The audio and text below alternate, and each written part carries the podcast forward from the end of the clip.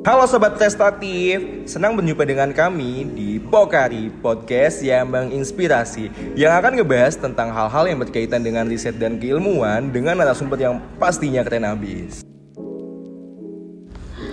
Oke kak, kita lanjut bahas tentang kaderisasi riset. Kalau misalkan kita udah bicara tentang dampak nyatanya dan juga manfaatnya bagi kita kayak gitu kan. Nah tapi kalau misalkan dari setiap hal yang dilakukan pasti juga ada hambatan atau bisa dibilang ada kekurangan gitu kan dari kaderisasi riset. Nah kalau misalkan dari pengalaman kakak sendiri nih sebagai kepala bidang di Riskel BEM Undip, menurut kakak hingga saat ini eh, apa sih kak hambatan dari keberjalanan kaderisasi riset yang ada di Undip dan kira-kira apa nih yang perlu dibenahi gitu dari kaderisasi riset yang ada di Undip? Oke, iya sih betul banget. Kadang tuh suka ada kerikil-kerikil gitu Iya, ya, yang mengganggu banget ya nah, nanti jadinya. Betul.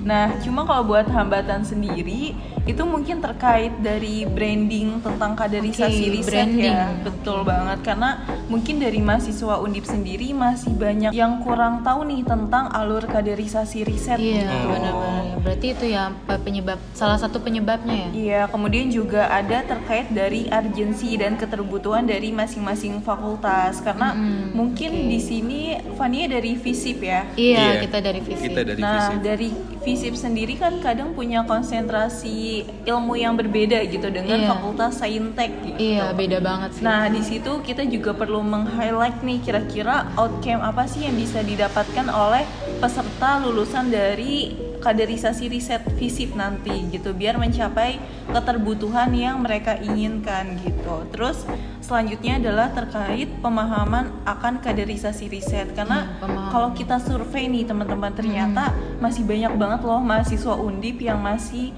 perlu pemahaman atau edukasi tentang kaderisasi riset. Nah, ini sebenarnya jadi PR kita bareng-bareng nih pengelola Iya, lembaga benar-benar benar. riset untuk mengedukasi teman-teman mahasiswa Undip terutama mungkin FISIP ya untuk paham gitu apa sih sebenarnya kaderisasi riset, alurnya dan lain sebagainya.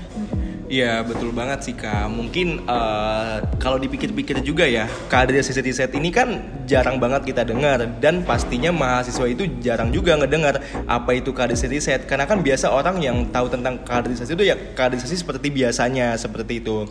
Dan pembahasan kita ini kan sedikit berbeda ya, kaderisasi berbasis riset. Eh, sebagai eh, organisatoris gitu loh, dan ini merupakan program kerja kita semua. Pastinya kita harus bisa memasifkan eh, tentang kaderisasi riset ini Iya, untuk apa? benar-benar, benar. Karena ini penting banget dan Penting menurut banget. aku kalau setiap dari mahasiswa itu udah mengetahui benefit dari kaderisasi riset itu sendiri, pastinya mereka bakal banyak banget pengen mengenal apa itu kaderisasi riset itu. Iya, iya. Betul banget, tentunya bisa narik peminat mahasiswa Undip Iya, ya buat itu. ikut alur kaderisasi Iya, riset biar, gitu. biar lebih Betul banyak nih ya banget. peminatnya. Betul banget. Selanjutnya aku mau tanya nih kak, menurut kak Sheni, bagaimana sih kak cara ningkatin motivasi mahasiswa agar memiliki daya tarik lebih untuk mengikuti perlombaan dalam bidang keilmuan? Iya, berkaitan sama kaderisasi riset tadi ya, Dian Iya, ya. betul. Salah Ini satu berkaitan- Betul banget nih sebenarnya kalau buat semangat kayaknya harus emang dijaga gitu ya sampai Iya. mahasiswa semester akhir termasuk aku kali ya.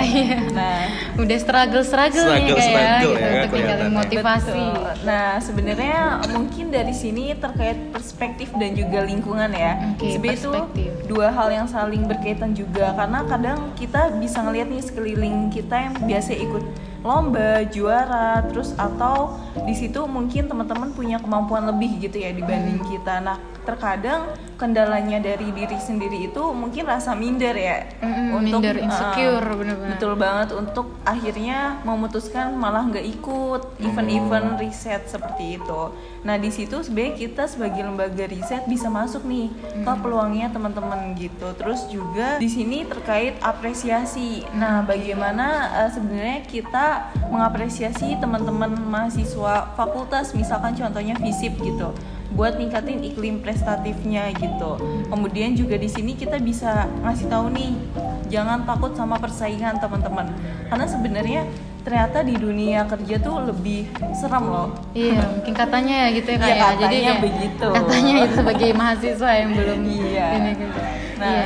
Setelah mendengarkan penjelasan dari Kak Sheni tadi, Van, bahwasannya uh, memang apresiasi itu penting banget untuk orang-orang yang sudah mengenal riset dan mereka itu sudah siap mengikuti perlombaan-perlombaan dalam bidang keilmuan.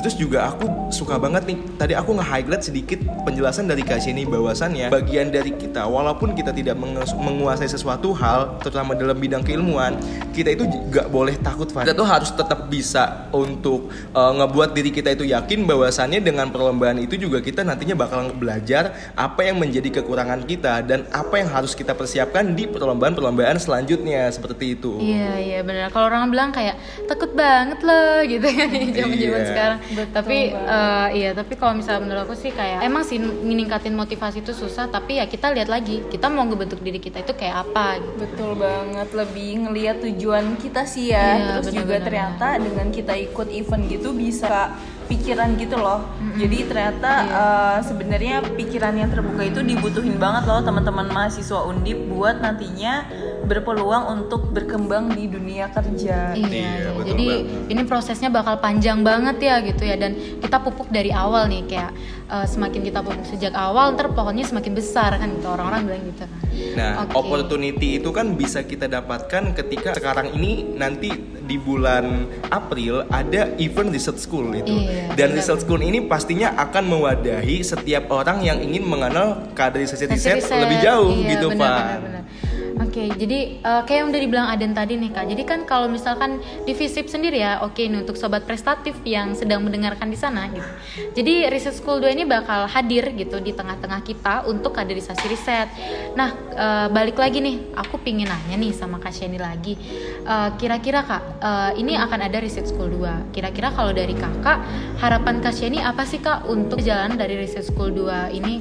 Uh, baik dari penyelenggara kita dan juga baik dari peserta gitu. Kalau dari harapan Kasyani sendiri untuk kaderisasi riset dan riset school. Oke, okay, jadi untuk kaderisasi riset, nah mungkin dari teman-teman uh, mahasiswa fisip nih, ya, tentunya ini kan sebagai sebuah peluang dan juga wadah untuk diikuti. Jangan sampai ketinggalan tentunya buat ikut alur kaderisasi riset yang ada di FISIP karena pastinya dari teman-teman bakal ngerasain gimana perubahannya nih dari mahasiswa baru kemudian ikut nantinya pelatihan-pelatihan kaderisasi riset yang bakal mupuk skill teman-teman di dunia organisasi atau dunia perkuliahan gitu terus juga buat keterlaksanaan dari RS2 nih jangan hanya sekedar mungkin uh, ngejalanin acaranya aja gitu hmm, terus tahu-tahu okay, langsung okay. selesai nah selesai. tapi pentingnya gimana kita bikin output dan juga outcome dari para peserta lulusan hmm, RS2 iya. gitu kan kadang uh, yang daftar tuh suka cari tahu nih tentang RS2 dan juga kira-kira apa sih yang mereka dapetin gitu dari keberjalanannya RS2 dan harapan aku yang terakhir semoga di tahun ini kualitas dari RS2 FISIP itu tetap terjaga dan di nomor satu kan. Pokoknya yang semangat iya paling semangat gitu ya untuk ikutin S2 jadi semoga harapannya uh, bisa terwujud ya kak yang tadi kak sampaikan baik juga dari uh, penyelenggara. Jadi ekspektasi yang kita ekspektasikan itu biar sesuai sama realita yang ada. Iya betul banget sih Van. Aku setuju untuk itu. Dan PR juga nih untuk kita semua sebagai penyelenggara Research School 2 yang akan berjalan di bulan April. Bahwasannya benar tadi kata Kak Sheni uh, kita sebagai penyelenggara jangan setelah menyelenggarakan selesai ya udah kita lupa gitu dan mungkin kader-kader dari risetnya itu uh, mereka-mereka orang yang udah mengikuti ya udah dibiarkan saja hmm. gitu tapi nggak kita tuntaskan sampai di mana nanti mereka bisa mengikuti uh, alur kaderisasi alur kaderisasi sampai yeah. akhir seperti itu tuntun sampai tuntas nah ya. betul yeah. banget sekali lagi tuntun sampai, sampai tuntas. tuntas gitu Oke kak, pertanyaan terakhir ini kak, menurut kakak uh, kan tadi kita udah bahas nih kalau research school itu emang penting banget ya untuk kita ketahui dan menurut kakak kenapa sih mahasiswa itu terutama yang ada di FISIP harus ikut kegiatan research school yeah. 2 biar banyak nih kak animonya nanti dan kita bisa semakin tuntas lagi kayak tadi kita bilang Oke, okay, betul banget sih. Jadi dari teman-teman kenapa sih harus ikut RS2 gitu ya? Salah satu alur kaderisasi di Undip gitu. Nah, sebenarnya di sini mungkin dari teman-teman pastinya punya tujuan dong di dunia perkuliahan mau ngapain. Nah, dari teman-teman bisa banget manfaatin wadah Research School 2 ini yang diadain dari BEM Visip bidang Riskel sebagai ajang dari teman-teman ningkatin skill maupun ningkatin kepenulisan ataupun nantinya bakal dapat output dari public speaking terus juga basic kepenulisan bahkan ketika nantinya bakal ada lomba LKTI ya di Iya betul kak. Ah. Nah, di situ teman-teman tentunya bisa manfaatin sebagai ajang men-challenge diri ya. Challenge Iya. Jadi jangan takut buat melangkah pastinya karena nantinya bakal dibimbing dong. Terus juga bakal dapat monitoring Benar-benar. juga nih. Karena pastinya ini tuh gak bakal intinya menyesal lah gitu. Iya. Iya memang penting banget ya untuk kita bisa uh, mengetahui tentang uh, kaderisasi riset terutama di uh, apa agenda riset school 2 yang akan berjalan di bulan April itu. Dan semoga nantinya untuk uh, masyarakat di FISIP gitu bisa mengikuti kegiatan riset school 2 mereka bisa mendapatkan output uh, dengan nantinya mereka bisa mampu berpikiran secara kritis kemudian berwawasan lebih luas dan mampu ketika mereka nanti menulis sesuatu itu bisa lebih maksimal lagi seperti itu, Fa. Dan pastinya kegiatan research school ini berperan penting bagi mahasiswa dan maka dari itu kita itu harus terus memasifkan nih Van Iya, kepada gas, seluruh gas. mahasiswa Iya. utamanya di FISIP agar tidak lupa untuk mengikuti kegiatan research school 2 yang akan dilaksanakan Pada tanggal 16 dan 17 April 2022. Catet ya tanggalnya ya semua sobat prestatif. Dan untuk informasi lebih lanjutnya lagi nih sobat prestatif bisa banget cek informasinya di Instagram BEM Visip Undi. Oke, berarti sudah banyak ya pembahasan kita kali Iya, ini mengenai kaderisasi riset di Undip. Sebelumnya aku mau ngucapin terima kasih banyak nih sama Kak Sheni atas segala informasi dan sharing-sharingnya tentang kaderisasi riset yang sudah kita bicarakan hari ini. Sukses selalu pokoknya buat Kak Sheni. Iya, terima kasih juga Kak ya. Intinya kita tuh harus tetap semangat untuk mengawal riset yang ada di Undip dan Visip khususnya. Oke Van, karena kita udah di penghujung podcast Perdana Scale yang spesial ini, waktunya kita untuk pamit undur diri nih. Iya. Aku Aden, Dan aku Fania. pamit undur diri dan sampai jumpa di Pokari Podcast, Podcast yang, yang menginspirasi berikutnya. berikutnya. Salam prestatif.